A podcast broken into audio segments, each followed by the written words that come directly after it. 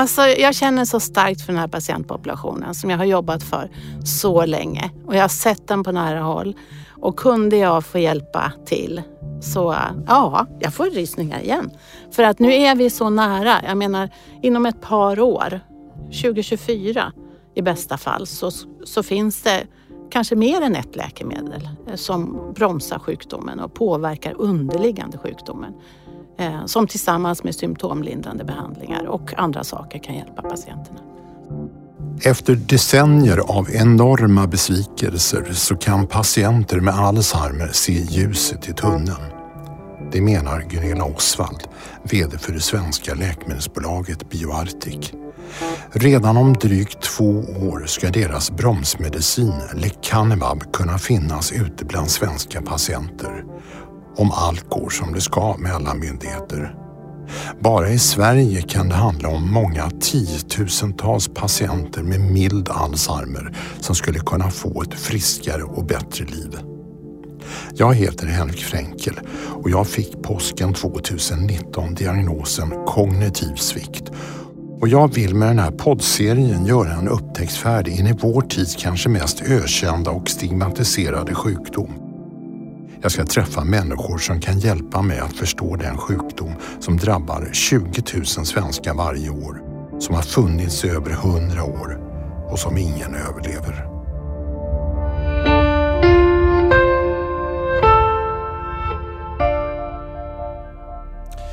Och här i studion så har jag Gunilla Osvald. Du är alltså VD för det svenska läkemedelsbolaget Bioartic. Hej! Hej! Och du är apotekare också. Vi kommer komma in på det.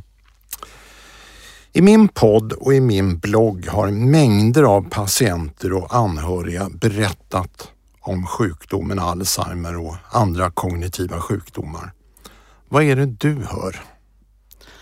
Ja, vad man hör, dels är det ju någonting som påverkar väldigt många eh, patienter och anhöriga mm. naturligtvis. Det är mycket en anhörigsjukdom också.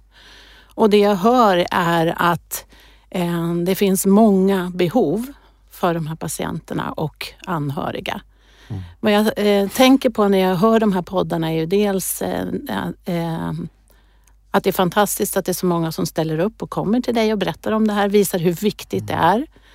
Och så tänker jag ofta att cancer, det är någonting som är, man kan ta på nästintill. Mm.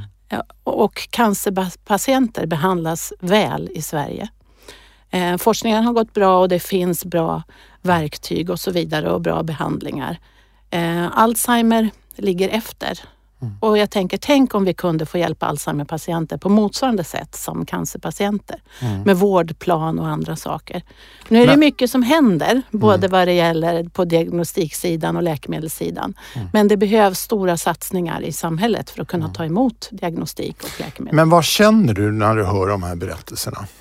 Det är ja. människor som eh, är 50 år och drabbas av Alzheimer. Mm. Nej, men det är klart att man känner väldigt starkt. Jag menar, jag har ägnat mitt yrkesmässiga liv, över 35 år, år åt hjärnans sjukdomar, att ta fram bättre läkemedel. Mm. De senaste 20 åren har jag fokuserat på Alzheimer och Parkinson. Och eh, jag känner starkt, för jag har också sett det på nära håll, eh, sjukdomen. Jag vet att den är en väldigt jobbig sjukdom, både mm. för patient och anhöriga. Så klart jag känner starkt för det här området. Precis. Vi ska prata om Bioartics kommande bromsmedicin mot Alzheimer och hur nära ni är ett genombrott. Men först, när vi spelar in det här, eh, den här podden så var det bara för några dagar sedan en världsnyhet att potensmedlet Viagra visar sig kunna bromsa utvecklingen av Alzheimer. Enligt en stor och omfattande studie. studie. Vad tänker du om det? Ja, då tänker jag att det är jättebra om det skulle komma flera olika typer av läkemedel mm. som kan hjälpa de här patienterna. Det vore fantastiskt. Så först blir jag väldigt glad Sen så kommer min lite mer analytiska, skeptiska tanke. Jättebra eh, att man har sett det här. Eh, nu är det nästa viktiga steget blir ju förstås att göra en eh, ordentlig prospektiv klinisk studie för att se om de här data håller. Eh, man har ju sett sådana här saker tidigare och blivit glad. Mm. Och det har ju handlat om både diabetesmedicin, det har handlat om antiinflammatoriska. Ett tag pratar man om östrogen. Nu får vi hoppas, jag hoppas så för patienterna att det blir flera olika typer av behandlingar som kan hjälpa till. Och jag tror i framtiden att man kommer att se olika typer av kombinationsbehandling. Men jag välkomnar all ny typ mm. av hjälp för den här patienten. Men om det stämmer, då har vi ju redan ett verksamt läkemedel på marknaden som många miljoner människor redan använder. Ja, det vore väl jättebra. Mm. Det finns ju redan idag också fyra symptomlindrande behandlingar. Mm. Så att, och, och jag tror inte att någon av de behandlingarna som vi ser just nu är hela lösningen. Utan att det kommer att behövas flera mm. olika typer av behandlingar för att ge bästa möjliga effekt. Men kan det finnas, kan det vara så att det finns andra redan godkända läkemedel som faktiskt bromsar Alzheimer men som man kanske inte riktigt vet om? Det är ju det man försöker leta efter hela tiden. Det jobbas ju inom, det, inom läkemedelsutveckling överhuvudtaget. Det kallas repurposing. Mm. Att man försöker se det som redan finns på marknaden, kan det användas för någon annan sjukdom? Mm. Och då gör man sådana här stora screeningar och så ser man ett, får man en, en liten hit och då gäller det sen att göra riktiga, riktade kliniska prövningar för att se om man kan bekräfta de här resultaten. Och det är det som blir nästa steg nu för, för Viagra. Blev du förvånad över att det var just Viagra? Ja, kanske. Jag har inte tänkt så mycket på det ska jag säga. Men det är klart det hjälper en att få en ökad blodcirkulation och så vidare. Mm. Så att, frågan är om det är Alzheimer eller om det är eh, vaskulär demens eller det återstår att se. Mm.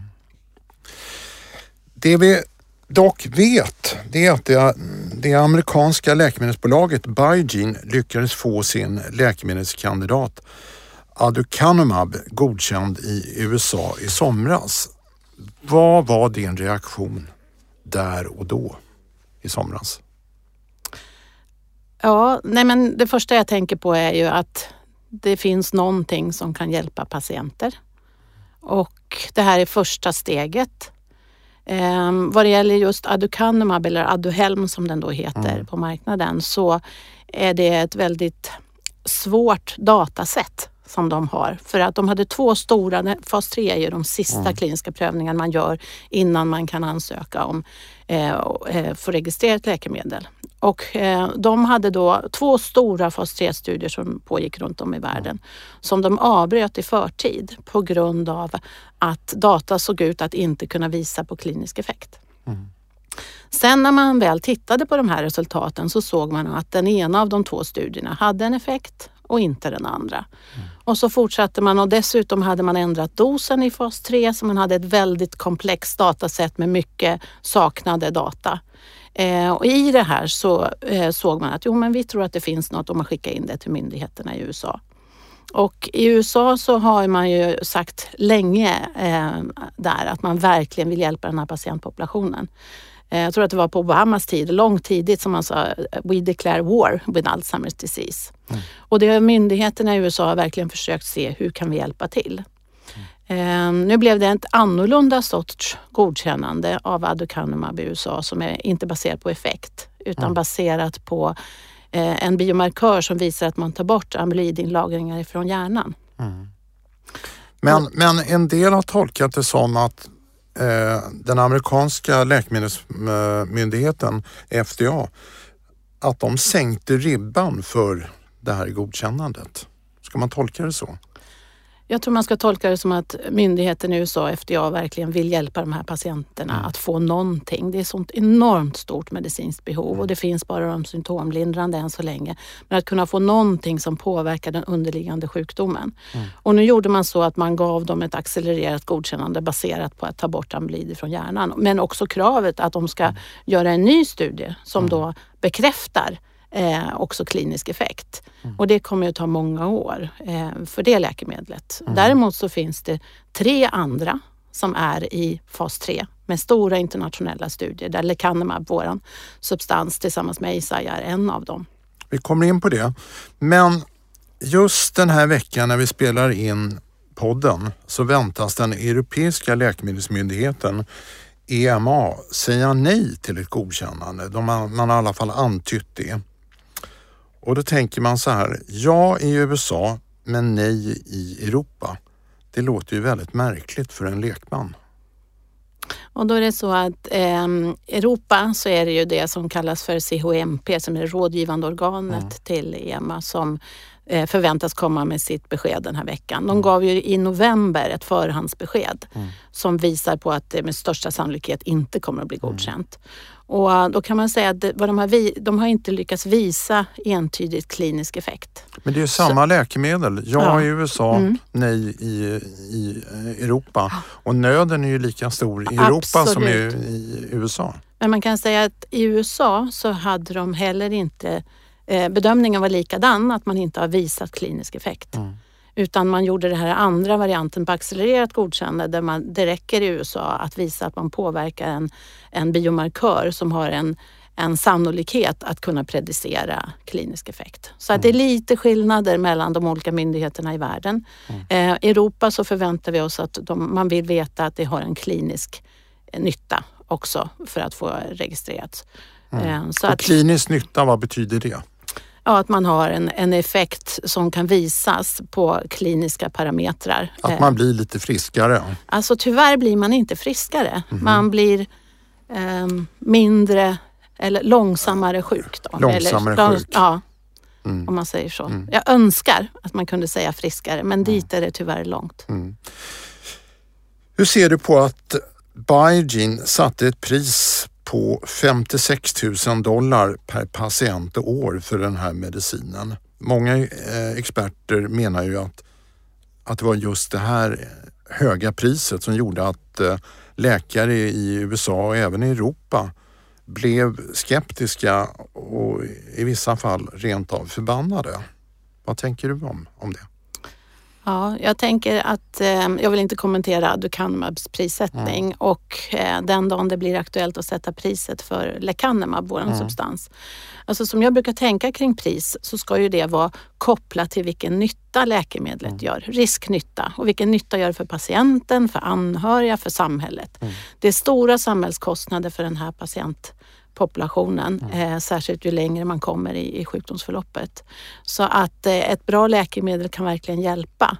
Men eh, alltså, för våran del så måste vi vänta in fas 3-resultaten. Mm. September nästa år, då vet vi lite mer hur fas 3 har sett ut och baserat på det så kan man räkna fram hälsoekonomi och sätta ett pris.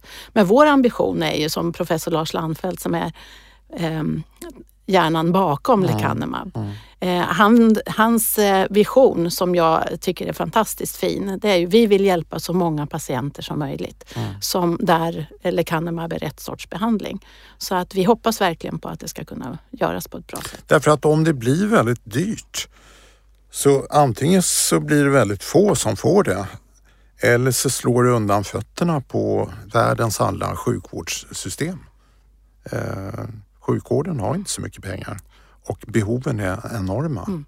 Ja, vår ambition är ju hellre att hjälpa många. Mm. Mm. Men det är Isai i vårt fall som kommer att vara de som sätter priset för lecanemab. Okej, vi ska gå på djupet med BioArctics egen bromsmedicin lecanemab. Du skrev ett pressmeddelande tidigare i höstas så här, jag citerar. En hisnande tanke att denna svenska upptäckt efter decennier av forskning inom en inte alltför avlägsen framtid kan bli den första bromsmedicinen mot Alzheimers sjukdom. Är det så du tänker? Ja, det är det. Jag har ju jobbat, som jag sa, länge med att försöka hjälpa de här patienterna. Mm.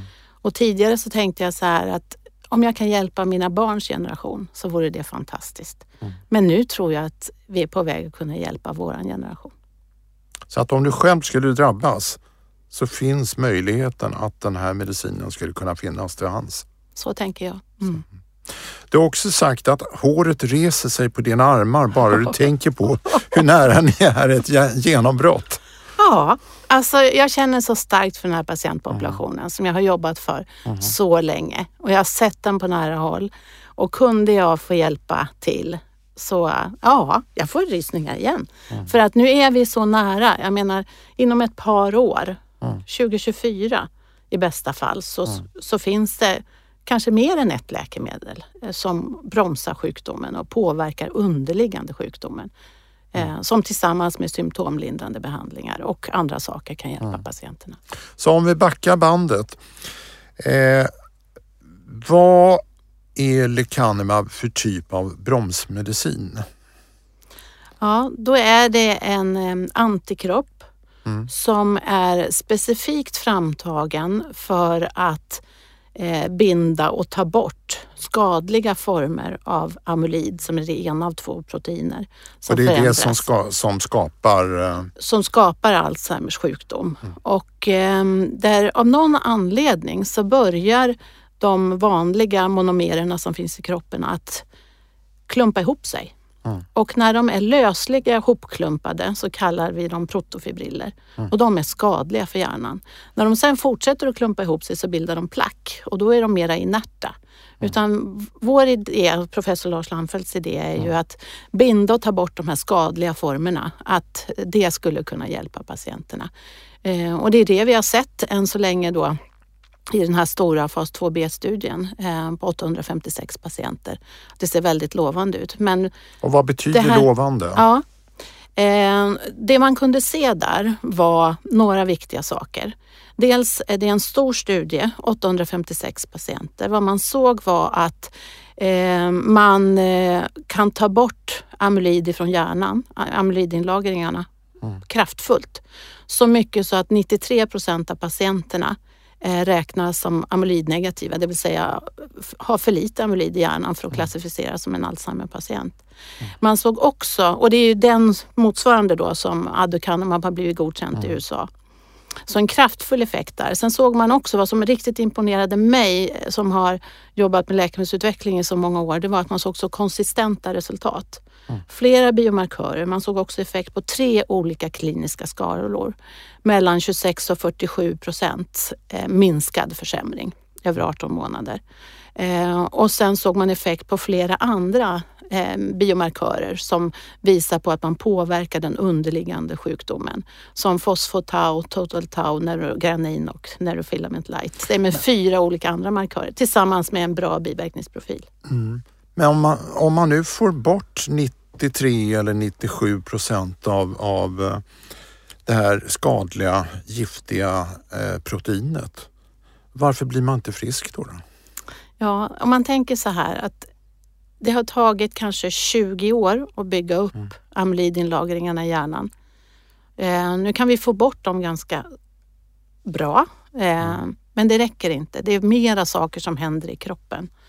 Eh, så tyvärr så har vi inte botemedlet än. Vi har en bromsande effekt som är första steget. Eh, Men det är jätteviktigt att forskningen fortsätter, att vi och andra fortsätter att jobba med flera som vi kan kombinera och, och i framtiden kanske. Men det är nog tyvärr inte min generation Nej. som får vara med och se någon, någon riktigt botemedel utan det ligger långt fram. Men om vi tittar på den kliniska effekten för patienten. Eh, vad betyder det i praktiken för en patient som har sy- eh, typiska symptom på Alzheimer? Dåligt närminne, förvirring, bristande uppmärksamhet, svårt med orienteringen. Vad blir bättre med den här bromsmedicinen? Mm. Hela tanken är att det gäller att försöka sätta in behandlingen så tidigt som möjligt för att kunna få ett så bra liv så länge som möjligt. För att tyvärr, som jag sa, så botar den inte och den, man blir inte bättre utan man blir eh, mindre, ja, långsammare, eh, sämre. Ehm, så det gäller verkligen att försöka sätta in den så fort som möjligt. Och därför är det också jättebra att diagnostiken och blodmarkörerna eh, också går framåt på ett väldigt positivt sätt. Men märker patienten själv att patienten har blivit eh, bättre? Eller är det så att eh, patienten blir inte sämre lika snabbt? Ja, nej, tyvärr så är, det ju mera så. Och då märker Ja. inte patienten det egentligen. Nej, man, skillnaden är ju att om man inte hade fått de här behandlingarna så kanske man hade då blivit sämre betydligt snabbare. Så därför är det också viktigt att man kan mäta på något sätt, tänker jag, någon form av biomarkör som hjälper en att se att man har en effekt. Läkarna har ett mantra. Det, det, min läkare sa i alla fall det när jag fick min första diagnos som sen ändrades. Att eh, du har fem, sju friska år och det, det har jag hört många läkare eh, använda som, som mantra från diagnos. Skulle det här innebära att man med den här medicinen kan förlänga frisktiden till låt oss säga 7 till 10 år? Det är så jag tänker. För, eh, om vi säger att vi har 30 procents effekt ungefär mm. grovt sett. Det betyder på 18 månader så sparar vi 6 månader. Mm. Behandlar vi tre år så sparar vi ett år. Behandlar vi ännu längre kan vi spara mer. Mm. Så att jag tror att det är en kombination av hur att sätta in det tidigt mm. och att behandla en längre tid. Mm. Eh, jag tror att alla patienter som lyssnar nu undrar över, tillhör jag målgruppen?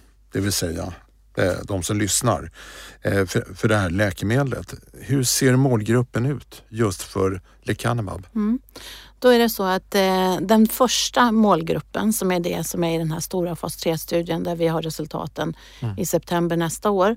Eh, då är det mild Alzheimers sjukdom och steget innan som kallas mild kognitiv störning. Men att man har visat att det är med, med Alzheimer-patologi. Mm. Man har visat att man har förhöjda nivåer av amyloidinlagringar mm. i hjärnan. Så att det är den patientgruppen som, som blir den första. Och, man, och vad, vad är mild, eh, mild Alzheimer? Vad är definitionen på det? Ja, då ska man ju eh, det är ju dels att man har kliniska symptom och att man har amyloidinlagringar i hjärnan eller en proteinförändring som man kan se i ryggvätska. Men man klarar sig, man, är, man bor hemma, Ja, man, ja, ja, man kanske kan sköta sitt jobb. Ja, men det man märker oftast tidigt är ju olika typer utav eh, eh, närminnet påverkas. Mm. Orienteringsförmågan påverkas. Mm. Att kunna sköta vardagliga uppgifter. Eh, jag vet eh, Lars Landfelt brukar ofta förklara eh, när man eh, står på parkeringen eh, och letar efter bilen och så hittar man bilen men du står med nyckeln i handen och vet inte vad ska jag göra med nyckeln. Eller du kan inte duka ett bord eller eh, rita en klocka brukar ofta vara en sådana mm. saker. Som, som, så det var en kombination utav de kognitiva delarna och eh, senare blir det mer och mer funktionsinslag. Som det Men det här är ju en enorm målgrupp egentligen. Ja. Det är det, stora, det är det stora flertalet. Eh, det och steget innan är ju ännu större och ja. den är ju idag säkert underdiagnostiserad mm. eftersom det inte finns några bra behandlingar för mm. den målgruppen idag. Så jag tror att den dagen det finns en behandling som kan hjälpa och det finns bra diagnostik mm. och båda de här delarna är på väg att bli eh, bättre och komma med bättre hjälpmedel. Då tror jag att, kommer, att man kommer att se att det blir ännu flera eh, individer som kan få hjälp av den här typen av behandling. Men om vi då säger att man brukar säga att det finns 150 000 patienter som har sjukdomen. Hur många av dem tror du utgör målgrupp för en bromsmedicin? Ja, jag brukar tänka så här att eh, jag tror att mild Alzheimer är ungefär 50 procent utav eh, Alzheimer-patienterna och mild kognitiv störning tror jag är kanske lika stort som Alzheimer i sin helhet. Sen är det ju andra, alltså man får inte, om man samtidigt har andra svåra sjukdomar så kommer mm. man inte att vara, komma i fråga till att börja med. Nej. Om man har eh, vissa typer av eh, kardiovaskulära sjukdomar eller cancer eller så. Men eh, det kommer att vara väldigt många patienter som jag tror att vi kan hjälpa. Men då pratar vi om en målgrupp, om jag ska tolka dig rätt, uppemot 100 000? Jag vågar inte gå in exakta på siffror för sen... Hälften av 150 000, det är 75 000. Ja, det är många som vi hoppas kunna hjälpa. Mörkertal. Ja. Eh, och om vi tar de 20 000 svenskar som varje år får en färsk diagnos. Kan de börja hoppas nu? Jag hoppas. Mm. Men inget är klart. Jag har också jobbat så länge i läkemedelsutveckling Mm. Att jag vet att även om sannolikheten är stor och det ser ut som läkemedlet fungerar så kan saker hända i en klinisk prövning. Så ingenting är klart innan det är klart. Men jag, jag ser verkligen med stor tillförsikt fram emot att få ta del av resultaten eh, om ungefär ett år. Mm. Och eh, jag både hoppas och tror. Mm. Ja, för jag tänkte just på det eh, när du reserverar dig. Eh, Biogens bromsmedicin reducerar ju det skadliga placket men patienterna blir ju inte påtagligt bättre. Hur ska man förklara det? Men det är tillbaka tycker jag till det här svårtolkade datasättet som de har. Mm. Eh, att mäta amyloidinlagringarna i hjärnan via sån här positonemissionstomografi, alltså mm. bildavlagring. Det behövs inte så många patienter för att kunna visa det. är En objektiv, väldigt skarp teknik kan man säga, mm. som är lätt att läsa av. Eh, att mäta kliniska, eh, den kliniska effekten har en mycket större variabilitet. Det är sådana olika skattningsskalor som man jobbar med. Och mycket större variabilitet kräver mera patienter för att kunna visa på en, en klinisk effekt. Mm. Eh, så jag tror att, eh, som jag tänker, så har de ett väldigt svårtolkat datasätt som gör det svårt kring den substansen att dra riktiga slutsatser. Ehm, våran substans har en solid fas 2b-studie Eh, många andra tidigare har ju hoppat över fas 2 och gått rakt mm. från fas 1 till fas 3 och hoppat att det ska fungera. Eller mm. haft en misslyckad fas 3, man höjer dosen och hoppas det ska fungera. Vad man gjorde bra med lecanemab var ju en ordentlig fas 2b-studie som visar vilken dos gav en bra effekt och mm. med en bra biverkningsprofil. Mm. Och det är ju det som hela fas 2 egentligen går ut på, att hjälpa mm. dig hitta rätt dos till fas 3. Och fas 3, det är där du ska bekräfta resultaten och visa på att eh, du har en bra risknytta. Men tänk profil. om det här med Biogenes, eh, det konstiga med att de får bort plack men patienterna blir inte bättre. Tänk om det inte är amyloiden som är svaret på gåtan Alzheimer? Jag tror ju att det är flera saker som behöver åtgärdas vad det gäller Alzheimer. Jag tror amyloid är definitivt en av dem. Men jag tror att det finns fler och det är därför jag tänker att så småningom blir det en kombinationsbehandling. Mm. Eh, när FDA då hade gjort sitt eh, beslut kring aducanumab och godkänt i USA fick de ju precis som du sa väldigt mycket kritik. Så de gick ut i somras och skrev en artikel då i, i mm. vetenskaplig tidskrift där de förklarade att anledningen varför de hade givit godkänt var baserat på de kliniska data av aducanumab men också våran substans lecanemab mm. och ytterligare en som heter donanemab. Så det var kombinationen av alla tre mm. och korrelationen med att ta bort amyloid från hjärnan mm. som låg bakom varför de hade godkänt. Mm. Ni sätter ju igång en studie för patienter som inte ens har upptäckt att de har Alzheimer. Varför det? Ja, då är det så att det är ett konsortium i USA som heter Alzheimer Clinical Trial Consortium mm. som har valt ut lecanemab tillsammans med Eisai för att... Eh, och Eisai är ett japanskt Det är ett japanskt globalt läkemedelsbolag. Som har fått licensen Ja, som har eh, lecanemabs licens. Och mm. Eisai är ett eh, bolag som satsar kraftfullt på demens.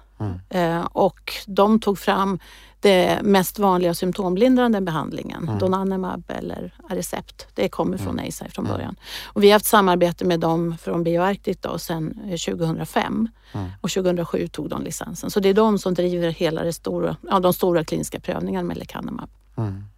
Men eh, ACTC då, Alzheimer Clinical Trial Consortium i USA, de valde ut Lacanumab baserat på de här fas 2b-resultaten och den godartade biverkningsprofilen som man har med Lecanemab mm. för att se om man kan gå in ännu tidigare. Kan man då helt bromsa sjukdomen? Mm. Eh, och då pratar vi alltså om individer som ännu inte har några kliniska symptom men som har förhöjda nivåer av amyloidinlagringar i hjärnan. Och hur hittar man dem? Ja, då är det så att många som har Alzheimer i släkten mm. eh, hör då av sig till kliniker och ber att få vara med. Mm. Och då får man dels eh, får man testa eh, lite grann kring närminnet och sen så numera så tar man ett blodprov. Mm. Och eh, om man då ser att man har en viss förändring i blodprovet så får man komma vidare sen och göra en, eh, en PET-scan eller en ryggvätskeprov. Och ytterligare tester för att sedan vara med i studien. Den här studien ska ha 1400 individer som ska vara med runt om i världen. Vi hoppas och tror att den även ska komma till Sverige nästa år. Okay. Eh, precis som den eh, stora studien Clarity AD som vi kallar den för, för tidig Alzheimer. Den går ju på fyra kliniker Och hur gör man för att komma med i den studien? I så fall så eh, hör man av sig till de klinikerna som eh, i så fall kommer att vara med. Mm. Och eh, som man har gjort nu med AHEAD kallas den här studien mm. i, i, USA, så eh, har de en hemsida där man kan gå in och svara på några frågor och sen får man möjlighet att, att ta blodprov eh, mm. och eh, gå vidare. Mm. Men många får ju, antingen får man då ett besked att nej, du har inte den här problematiken i, ditt, i dina tester. Mm. Ehm, och då kommer inte in i studien alls. Sen mm. finns det en viss grupp som har redan ordentligt förhöjda nivåer utan att ha några symptom. De kommer in i en viss del av studien, mm. får lite högre dos och sen de som har en mellannivå kan man säga av mm. amyloidinlagringar i hjärnan. Mm. De får en lite lägre dos och kommer in i studien då på, på den nivån. Mm. Men den studien är lång, fyra års behandling är det i den studien. Mm. Eh, du nämnde själv att du tror att eh, lecanemab, eh, vad ska läkemedlet heta förresten? Ja, det, det, är inte klart ännu. Så det blir spännande att se. Men okay. lecanemab är det. BAN 2401 har ju vi kallat ja, den i, i, i, alla år när den kom ifrån, ifrån BioArctic. Mm. Så BAN står ju för Bioarctic Neuroscience och så mm. 2401. Nu heter den lecanemab som det kemiska namnet. Sen får den ju ett, ett marknadsnamn men det är lite för tidigt att säga än. Mm. Men du sa då att du räknar med att uh, det kan komma ut på marknaden i början av 2024. Och uh, då räknar ni med att ni får ett godkännande både i USA och i eh, Europa. Eller hur? Ja, alltså ASA jobbar ju globalt. Mm. Så jag menar, de jobbar ju naturligtvis mot USA, Europa och Japan och så vidare. Mm. Kina. Eh, så att eh, vi hoppas ju kunna hjälpa många patienter. Mm. Och USA, även här då, ligger ju lite före för ASA har redan skickat in ett sådant stegvis eh, godkännande mm. eller ansökan om stegvis godkännande för ett accelererat godkännande baserat på biomarkörer. Mm. Så att det är möjligt att, att USA, eh, amerikanska patienter kan få tillgång tidigare. Redan 23? Jag vågar inte säga exakt mm. men, men att det kan komma tidigare i USA det är inte alls omöjligt. Eh, Va, vad skulle det betyda om eh, alltså, eh, Biogen har ju haft problem i USA och antagligen ännu större problem i Europa. Vad skulle det betyda för er om ni kom först ut på marknaden? Alltså att kunna hjälpa patienterna, det tycker jag vore fantastiskt och jag mm. verkligen hoppas och tror att vi kan göra det. Sen är det ju så att den som kommer först har ju en, en en stor del i att hjälpa samhället att vara redo att ta emot den här sortens behandling. Mm. Och här är det ju bra tycker jag att det är eh, flera bolag som mm. hjälps åt. För det är flera projekt som ligger i sen fas eh, med möjlighet att, att kunna hjälpa patienterna ungefär samtidigt som, som lecanemab. Eh, men att göra om jag, jag brukar tänka så här, vad vi jobbar med är en ny sorts behandling Sjukdomsmodifierande behandling finns inte än så länge i Europa idag. Det är en ny patientpopulation. Det är tidig Alzheimer och steget innan. Eh, så att man måste lära sig att känna igen patienterna eh, och förhoppningsvis så finns blodprov eh, ungefär samtidigt. Mm. Och hela samhället måste vi måste tillsammans jobba med sjukvården, politiker och runt om för att, att vara redo att ta emot den här sortens behandling. Och hur gör ni då? då? Därför att jag misstänker att uh, läkarna och minnesmottagningarna, det kommer bli en, en anstormning. Alla vill ju naturligtvis få en chans att få några extra år. Det är, är väldigt mycket jobb. Är, sjuk, är sjukvården förberedd på det här? Inte ännu. Inte. Det är min bedömning. Jag menar, så det är därför det är så viktigt att många aktörer jobbar tillsammans. Mm. Och jag menar inte minst den här podden och att mm. komma ut på olika sätt som det fina jobb som ni gör. Det hjälper ju eh, att medvetandegöra eh, mm. samhället kring det här. Så det behövs mycket, mycket mer för att mm. vara redo att ta emot de här. Sen mm. blir ju minnesmottagningarna jätteviktiga mm. i, i början. För det gäller att specialister börjar med att ta hand om nya läkemedel och hjälpa patienterna så. Mm. Eh, du nämnde biverkningar. Eh, det har ju talats om att eh, det finns ju biverkningar med den här typen av mediciner. Eh, när det gällde Biogenes medicin så, så har de varit väldigt tydliga med att det kan orsaka någon form av hjärnödem eh, hos ett relativt stort antal patienter och man måste hålla koll på dem. vad tänker du om biverkningar? Mm.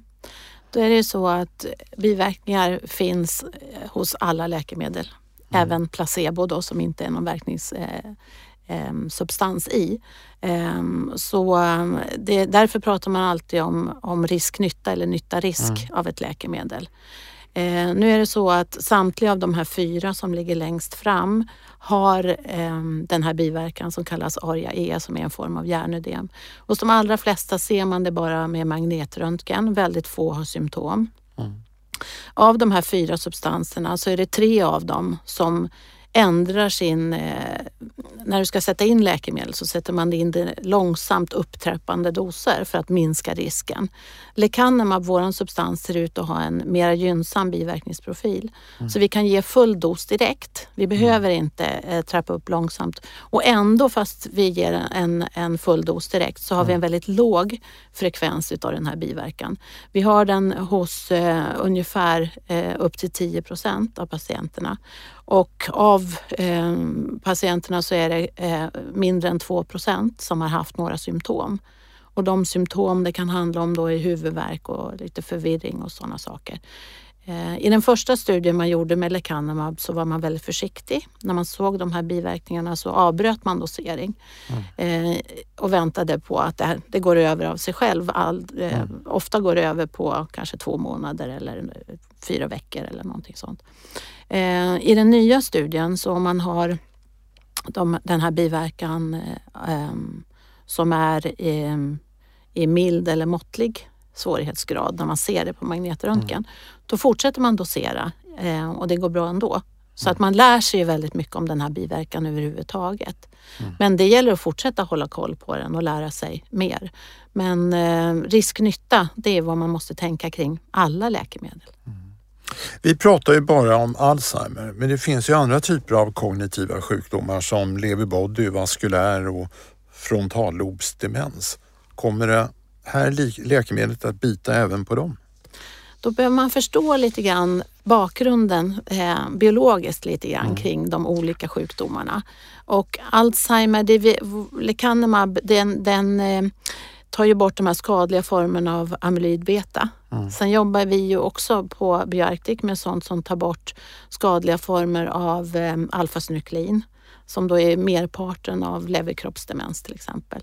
Eh, sen eh, jobbar vi också med TDP43 som också är en, ett annat protein som också kan finnas i skadliga former. Och vad man ser mer och mer också är att olika typer har blandformer. Mm. Ehm, så att jag tror att det är otroligt viktigt att man fortsätter forska på alla de här olika proteinerna, amyloid, tau, alfasynuklein, TDP43 mm. och även neuroinflammatoriska ehm, verkningsmekanismer för att se vad, hur kan man tillsammans hitta olika typer av behandlingar. Och de är säkert lite olika för olika typer av demens. Men alltså... Vaskulär demens är ju ytterligare någonting mm. annat.